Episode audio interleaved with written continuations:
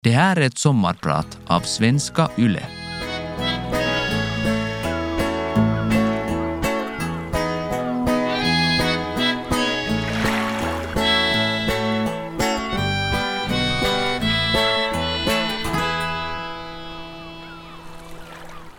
Här ligger jag igen. Mitt i mörkaste natten. Jag har läst alla nyheter jag kommit över och är fullt uppdaterad över läget i världen. Jag grubblar. Min fru Sofia som har sömnens gåva har redan slumrat in medan jag har legat här och knarkat nyheter. Jag hör till dem som lider av insomnia. Sömnlöshet. Jag har svårt att sova. Min hjärna går lätt på övervarv. Och jag är så himla avundsjuk på Sofia. Var hon än är och vad klockan än är så får hon på nolltid tag på sömnen. På kvällarna när vi går och lägger oss så behöver jag inte räkna till mer än 30 innan hon är inne i djupaste REM-sömnen medan jag känner hur mina tankar börjar löpa amok. Som en flock uppjagade fladdermöss. Där ligger jag sedan bredvid den sovande skönheten medan mina tankar pingpongar mellan hungersnöd, klimatförändring, vad som borde göras på landeställe, istället, obetalda räkningar och potentiella olyckor som kan drabba mina tre döttrar. Jag heter Pelle Heikkilä och jag är din sommarpratare idag. Att få lämna allt bakom sig och bara leva av naturen är någonting jag har drömt om så gott som hela mitt liv. Skulle jag inte ha haft ett så stort behov av att bevisa för en massa människor att jag inte är en loser, så skulle jag säkert ha gjort det när jag var kring 20. Bara lämna det här samhället bakom mig. Gå ut i det vilda. Jag har alltid känt att jag inte hör hemma här, i, i den tid vi lever i. Vårt samhälle är helt för byråkratiskt och strukturerat för en som jag. Man måste betala räkningar, det är bostadslån, ha kalendrar, komma ihåg födelsedagar med mera. Och jag hatar allt det där. Jag vill inte och jag kan inte. Men jag måste. För min familjs skull. Men ute i naturen är jag som en fisk i vattnet. Jag vill gärna berätta om en av mina starkaste naturupplevelser som vuxen. Det var i Chile, där min fru Sofia och jag och våra tre döttrar bodde i fyra månader. Hela familjen var där för att spela in en tv-serie, Invisible Heroes. Det var roligt, men mycket intensiva månader. Vi hade långa arbetsdagar och var lediga bara en dag i veckan. En av de här lediga dagarna är vi högt uppe i Anderna, familjen och jag. Vi har hyrt en bil och kört upp för att se den underbara naturen. Jag tvärnitar plötsligt och springer ut ur bilen. Jag lämnar barn och fru på den smala bergsvägen utan att hinna förklara vad som sker. Jag skuttar likt en bergsget nerför branten mot stupet. Hjärtat bultar allt snabbare. Och de sista metrarna så ålar jag mig fram för att komma så nära klippkanten som möjligt. Under mig hundra meter vertikal vägg rakt ner i dalen. Darrande av adrenalin så ligger jag där och ser mig omkring och får plötsligt syn på ett kondorpar som lyfter från sitt bo i bergsväggen. Den större av kondorerna cirklar ovanför mig, kommer närmare och närmare. Till slut svävar denna majestätiska fågel över mig på bara några meters avstånd och jag inser att jag nu vet hur en kondor låter när den glider genom luften. Ett ljud jag aldrig trodde att jag skulle ha fått uppleva. Det bara exploderar av endorfiner i min hjärna. Fy fan vad jag lever! Jag har aldrig blivit diagnostiserad med ADHD men alla som känner mig vet att jag har det. Min hjärna går konstant på övervarv och jag har läs och skrivsvårigheter. I vårt samhälle är en ADHD-diagnos en börda. Men i naturen så känner jag att det är en styrka. Där i det fria så kan jag lösa problem som uppstår i stunden, kreativt. Och gå vidare. Eller välja att inte lösa problemet och ta en kalkylerad risk. Till saken hör också att jag lider av stark eh, äh, weltschmerz. Som inte verkar bli lättare med åren. Tvärtom, ju mer jag vet om världens kriser och problem, desto sämre mår jag. Och det hjälper ju inte att jag är en nyhetsjunkie av rang. Jag läser dagligen fyra till fem olika nyhetskällors nyheter. Se till att jag hela tiden är uppdaterad. När det är natt här så är det ju alltid dag någonstans i världen. Så jag följer nyheterna enligt tidszonerna. På natten när ingenting händer här och min fru Sofia, som har sömnens gåva, har slumrat in, så ligger jag där och knarkar nyheter. Som tur så behöver jag inte så mycket sömn. Fem till sex timmar per natt är min genomsnittliga sömnmängd. När jag var yngre så hittade jag på ett trick som hjälpte mig för att få pli på min hjärna. Jag föreställde mig en krigssituation där jag var krypskytt. För att kunna skjuta fienden krävdes full koncentration från min sida. Varifrån blåser det? Hur ska jag förflytta mig genom terrängen till ett bättre skjutläge utan att väcka uppsyn? Hur ska jag andas? Och när är rätt ögonblick att ha gevär? Jag levde mig så starkt in i det scenario att jag till slut somnade. Ibland kunde det gå ett par dygn utan någon sömn alls. Men min ADHD kompenserar sömnbristen ganska bra. Men med tiden så insåg jag hur jävla sjukt det här beteendet var så jag, jag slutade. Och nu har jag vant mig med att sova mellan fem till sex timmar per natt. Även om det inte är den ultimata sömndos för en trebarnsfar. Det var Diana Ross and the Supremes med låten Reflections. Högstadiet var ganska tufft för mig. Allting kom liksom samtidigt. Det var problem i skolan.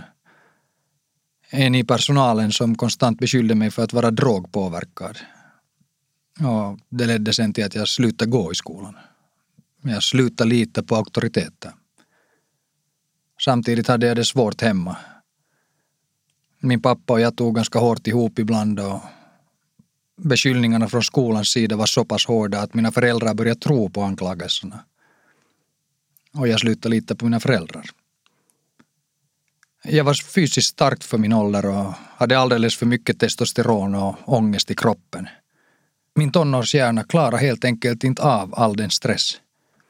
Så jag tog till våld för att få utlopp för mina aggressioner. Och det ena ledde till det andra och till slut levde jag ett dubbelliv.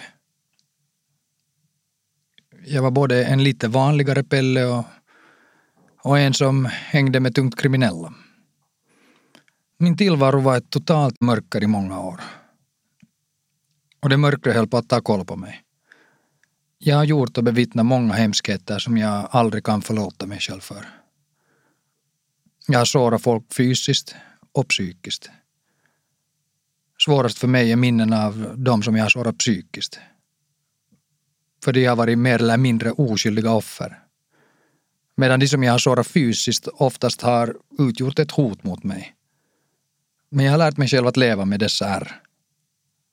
Jag har försökt be om ursäkt och genom mitt agerande idag bevisa att jag har gått vidare och att ingen behöver vara rädd för mig längre. Men att nå hit krävde otroligt mycket tålamod och självstudier. När jag äntligen hade kommit så långt att jag ville och kunde lämna det kriminella bakom mig så föll jag in i en långvarig depression. Vad hade jag egentligen gjort med mitt liv? Varför? Vilka var mina framtidsplaner nu? Jag hade självdestruktiva tankar och trodde att allt var förlorat. Jag ville inte träffa någon. Jag bodde hemma hos mina föräldrar och hade isolerat mig från omvärlden. Ibland tvingade jag mig själv gå ut bara för att mamma och pappa skulle tro att jag gick och träffade mina kompisar. Vilket jag alltså oftast inte gjorde. Jag strövade omkring på gatorna och hoppades på att någon skulle provocera mig till ett slagsmål så att jag kunde låta dem ge mig stryk. Jag ville känna smärtan fysiskt. En lördagkväll när min kära mamma frågade mig om inte jag borde gå ut och träffa någon så tvingade jag mig själv ut för att hon skulle må bättre. Jag tände en cigarett och började promenera över gårdsplan. Jag hann bara gå tio meter innan jag hörde dörren öppnas bakom mig. Det var mamma. Hon ropade Pelle. Jag vände mig om. Där stod hon på trappan och så ner mot mig som en ängel. En orolig mor som älskar sin odugliga son. Hon sa ingenting. Vi såg på varandra. Jag märkte hur orolig hon var och hon såg hur olycklig jag var. Jag kände en klump i halsen. Men så sa hon det vackraste en mor kan säga till sitt barn. Pelle, om jag skulle kunna skulle jag sätta dig tillbaka i min mage. Jag skulle ta hand om dig och skydda dig. Jag tror att du skulle trivas där. Tårarna började rinna. Jag, jag, jag kunde inte andas. Jag vet. Det var det enda jag lyckades mumla till svar.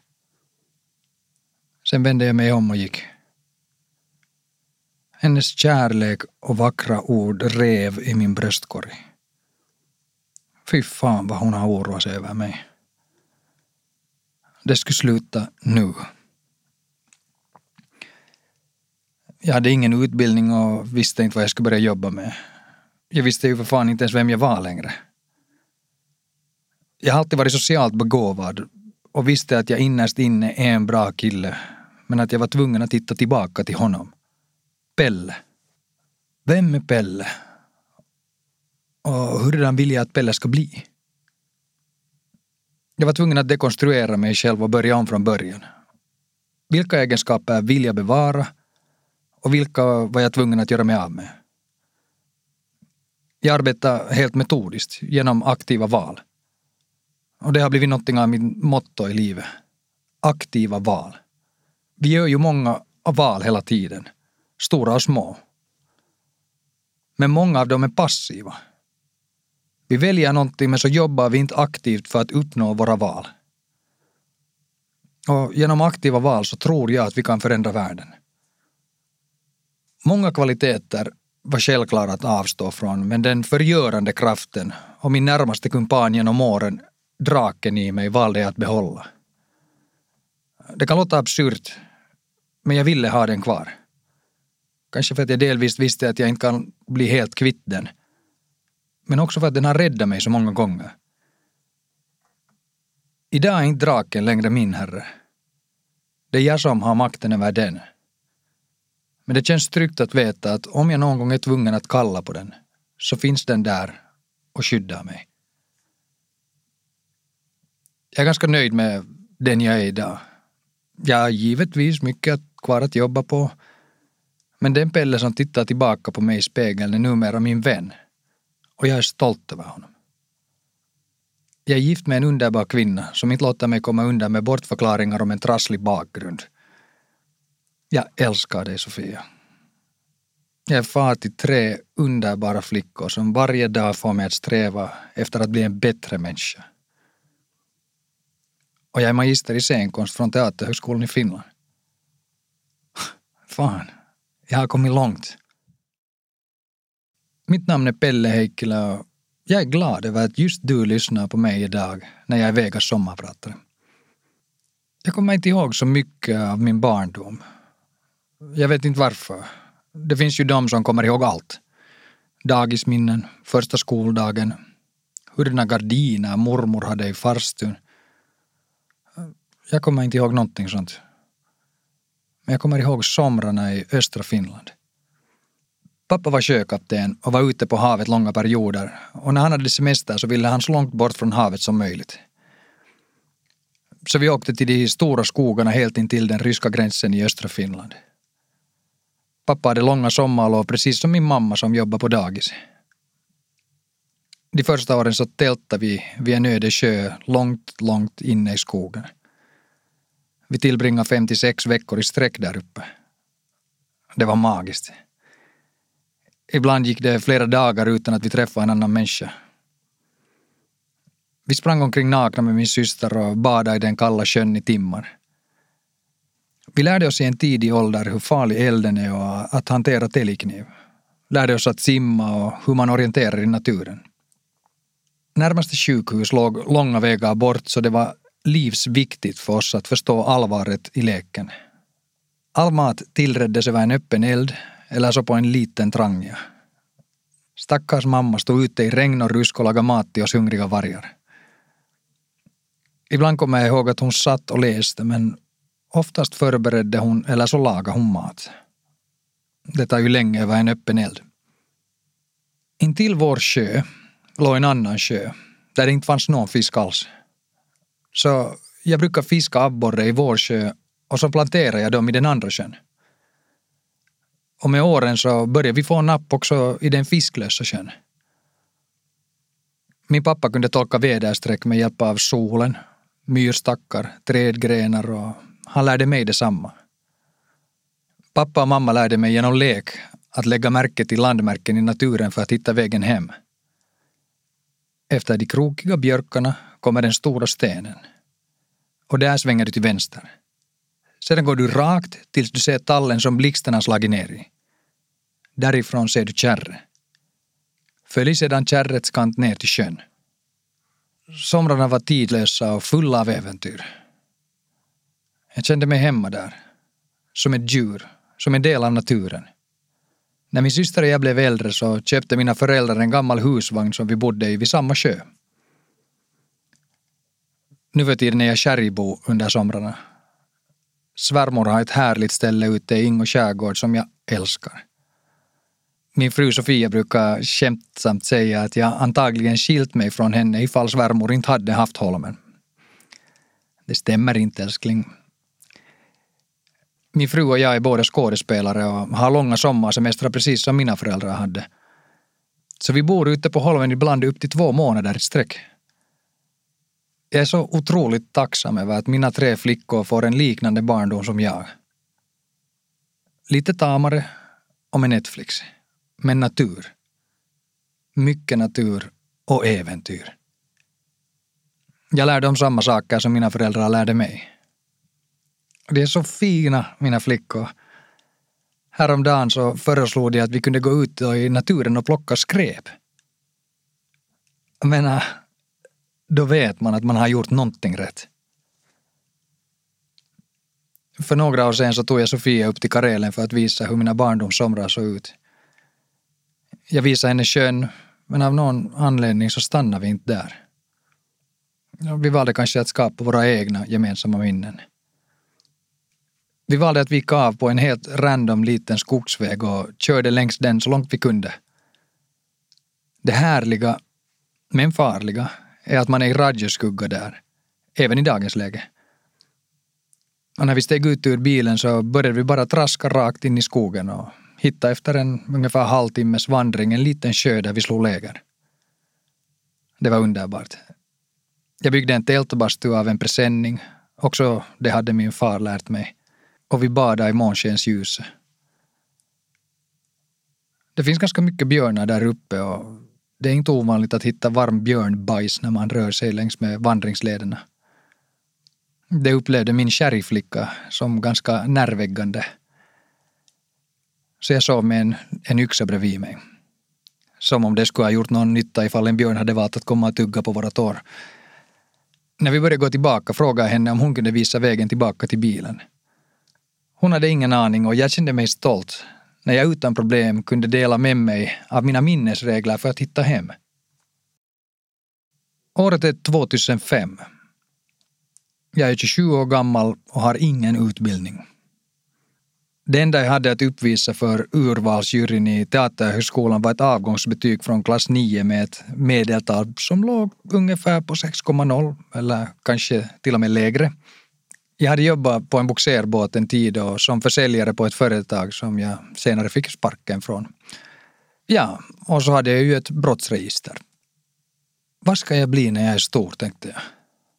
Min kompis sökte in i Teaterhögskolan och berättade för mig att man kan bli antagen också utan studentexamen om man uppvisar extra goda färdigheter för yrket. Jag hade ingen koppling till teatervärlden. Jag tyckte faktiskt att teater var tråkigt och dammigt. Om det kom en teatergrupp till vår skola på gästspel så brukar jag skolka. Min senaste teaterupplevelse var Herr Hu på Svenska Teatern 1984. Året innan jag sökte in i Teaterhögskolan hade jag fått en liten talroll i Åke Lindmans film Fram och främsta linjen och märkte att det ju inte är så svårt det där med skådespeleri. Jag menar, jag har ju skådespelat hela mitt liv. Allt vad jag har gjort har varit ett enda stort skådespel. Så jag tänkte att man kan ju alltid testa.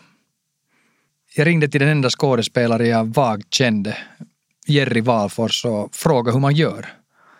Han var väldigt snäll och berättade ingående om de olika skedena och uppmanar mig att bara vara mig själv. Det är det enda de vill se, menar han. Jag berättade inte för någon att jag sökte in.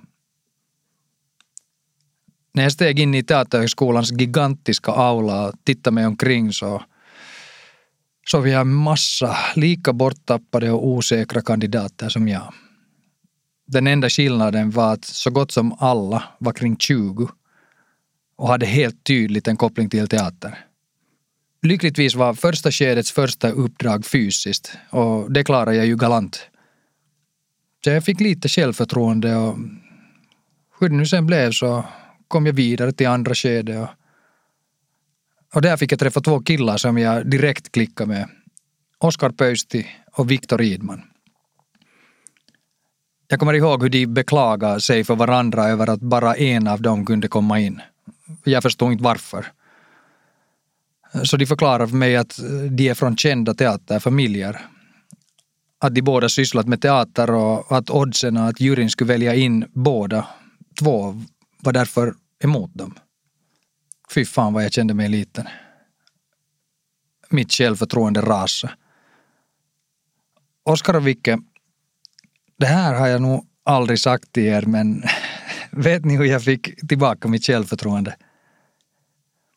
Jag synade er snabbt och insåg att jag lätt kunde slå er på käften. Ha! Det behövde jag som tur aldrig göra. Fast det nog några gånger på virus var nära men, men vi klarade oss utan våld. Jag träffade även min blivande fru på inträdesprovet och Oskar och Vicke blev senare mina bästmän, för båda killarna kom ju in i skolan. Jag kommer så väl ihåg samtalet till mina föräldrar när jag fått beslutet om att jag blivit antagen. Min mamma började gråta. 15 års ångest släppte i den stunden. Min pappa var inte särskilt imponerad men när han hörde att hans bekant i Rotary, min kurskompis Carl Alms pappa, skröt om sin son på ett av deras möten ändrade hans attityd. Vi var åtta män på kursen och fyra kvinnor. Varav en var tvungen att senare hoppa av. Första året var yrt. Jag kände mig borttappad. Jag kommer ihåg att jag någon gång under första studieåret sa till min kurskompis att Sofia kommer att bli mina barns mamma. Trots det så gjorde jag inga anspråk på Sofia för hon visste om min bakgrund, vi är bekanta och jag var en bad boy i hennes ögon. Teaterhögskolan var en helt underbar tid. Jag fick leka med mina kompisar varje dag och hade för första gången på flera år en rutin som jag trivdes med. Allra mest om teater så lärde jag mig på krogen intill Teaterhögskolan där vi satt och diskuterade och filosoferade och debatterade mer eller mindre varje kväll efter skolan. Senare har jag fått höra att vår underbara rörelselärare Lisa Pentti sagt att hon efter att vi hade blivit färdiga lite sakna oss bakfulla, spritluktande, fnissiga studerande på hennes morgonlektioner. Nu för tiden är teaterhögskolestuderanden kanske mer seriösa. På gott och ont. Under studietiden fick jag ganska ofta spela kvinna. Delvis för att det var så få kvinnliga studerande på kursen men också för att mina pedagoger tyckte att det skulle vara bra för mig att komma i kontakt med min feminina sida. Jag hatade det, men förstår idag vikten av det. Under sommaren mellan tvåan och trean producerar vi studerande traditionsenligt Skärgårdsteatern i regi av Dick Idman. Man åker ut på en gammal sandskuta i skärgården under en månad och så spelar man 15 till 20 föreställningar på mindre orter. Det var så himla fint. Jag hade som sagt inte gjort några anspråk på Sofia överhuvudtaget. Men en vacker natt när vi låg för ankar på Utö så bestämde jag mig för att mina ungkarlsår nu var över. Jag tog ett stämjärn och en hammare och vandrade till andra sidan av Utö och började hamra i klippan. Efter flera timmars arbete så stod det Pelle, Hjärta, Sofia förevigat i berget. Jag tog en bild av mästerverket och gick och la mig. Nästa dag när jag hade samlat mod till mig så bad jag Sofia lite åt sidan och så visade jag bilden för henne. Hon fick en smärre chock men började efter att lite ha smält det hela ändå sällskapa med mig. Pelle 1, Sofia 0. Ett par år senare, när vi redan utexaminerat, så gjorde Skärgårdsteatern som proffs och tog jag henne till inristningen hon aldrig hade sett med egna ögon och så friade jag till henne. Samma taktik fungerar. Pelle 2, Sofie 0. Under de sista åren på Teaterhögskolan så började jag förstå mig på hantverket. Det var en underbar tid. Intressanta pedagoger, arbetspraktik på Dramaten och på Virus, växande självförtroende och drömmar. Många drömmar. Redan innan vi utexaminerades år 2010 så fick jag veta att den enda teatern jag då kunde tänka mig jobba på skulle bli vår. Teatervirus stod för allt vad jag tyckte att var viktigt. Virus var konstnärligt högklassig, organisatoriskt demokratisk och körde med likalönsprincip. Alltså alla blev hörda och fick samma lön. Virus dåvarande ensemble tyckte att tiden var inne för att överlåta teatern till en yngre generation. Det var fyra till fem olika konstellationer som tävlade om teatern. Oskar Pöysti, Viktor Rydman och jag sökte som en grupp men vi märkte i ett tidigt skede att vi behöver en konstnärlig ledare och en administrativ ledare med i vårt gäng för att vara lite mer trovärdiga än bara ivriga teaterhögskolestuderande. Så vi kontaktade Maria-Honna Lundström och Matilda von Weissenberg för att eh, bygga upp ett dream team. Senare kom Jessica Raita och Maria Alroth med i bilden och Virus 2.0 hade fötts. Vi hade en egen teater. Den bästa, finaste och viktigaste teatern i hela världen där jag skulle jobba resten av mitt liv. Men så blev det inte. Saker och ting blir ju sällan som man planerar. Vi jobbade hårt och gjorde stora framsteg med att hitta en ny publik utan att tappa bort den gamla. Och så småningom så började vårt arbete visa resultat. Det var klart att vi bråkade på teatern. Men vi skrattade mycket mer. Det var en härlig tid. Vi kunde välja och vraka bland regissörer, scenografer och skådespelare. Livet lekte. Jag gifte mig med min Sofia och vi fick barn. Men så småningom så blev det mera bråk än skratt på teatern för min del. Säkert delvis på grund av att vi alla var unga, ivriga och målmedvetna. Eller i alla fall hade vi varit det. Nu var våra mål helt enkelt olika. Efter att den för mig heliga likalönsprincipen slopades och det började diskuteras om en flytt till Victoriakvarteret bestämde jag mig för att det var dags att avgå. Teatern ville utvecklas åt ett håll jag inte längre stod bakom. I det här skedet hade jag också arbetat en del framför kameran och ville således prova mina vingar som frilansande tv och filmskådespelare. Men det kändes ändå som en skilsmässa. Jag identifierar mig så starkt som virusit. Att höra till virusensemble. Att få vara del av någonting. Och plötsligt stod jag där igen. Ingenstans att gå på dagen och ingen säker inkomst. Men det vad jag hade var drömmar. Stora drömmar. Och en fru som stödde mig i mitt beslut att kasta mig ut i det okända. Nu fan ska det filmas.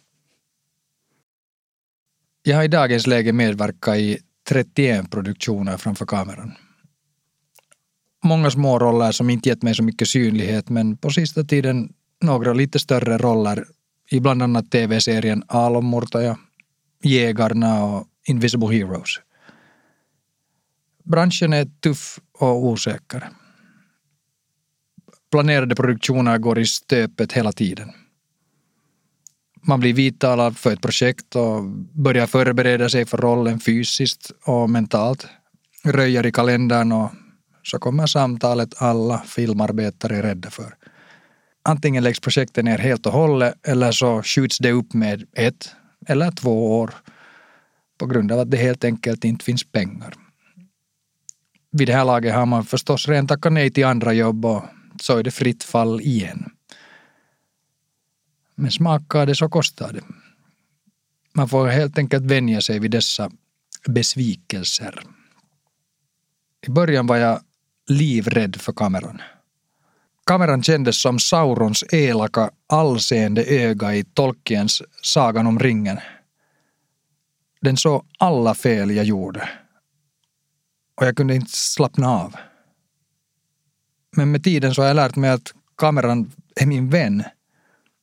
Och att felen jag gör oftast gör scenerna mer äkta, intressanta och mänskliga.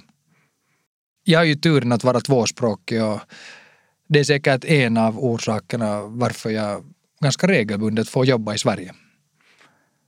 Om jag nu inte har hela foten mellan dörren till vårt vackra grannland så kan jag väl ändå säga att jag har tårna i kläm där. Jag har haft ynnesten att få jobba med stora svenska skådespelare. Jag menar riktiga tungviktare. Härliga, härliga Rolf Lassgård. Och jo, han är precis så härlig som ni hoppas att han är.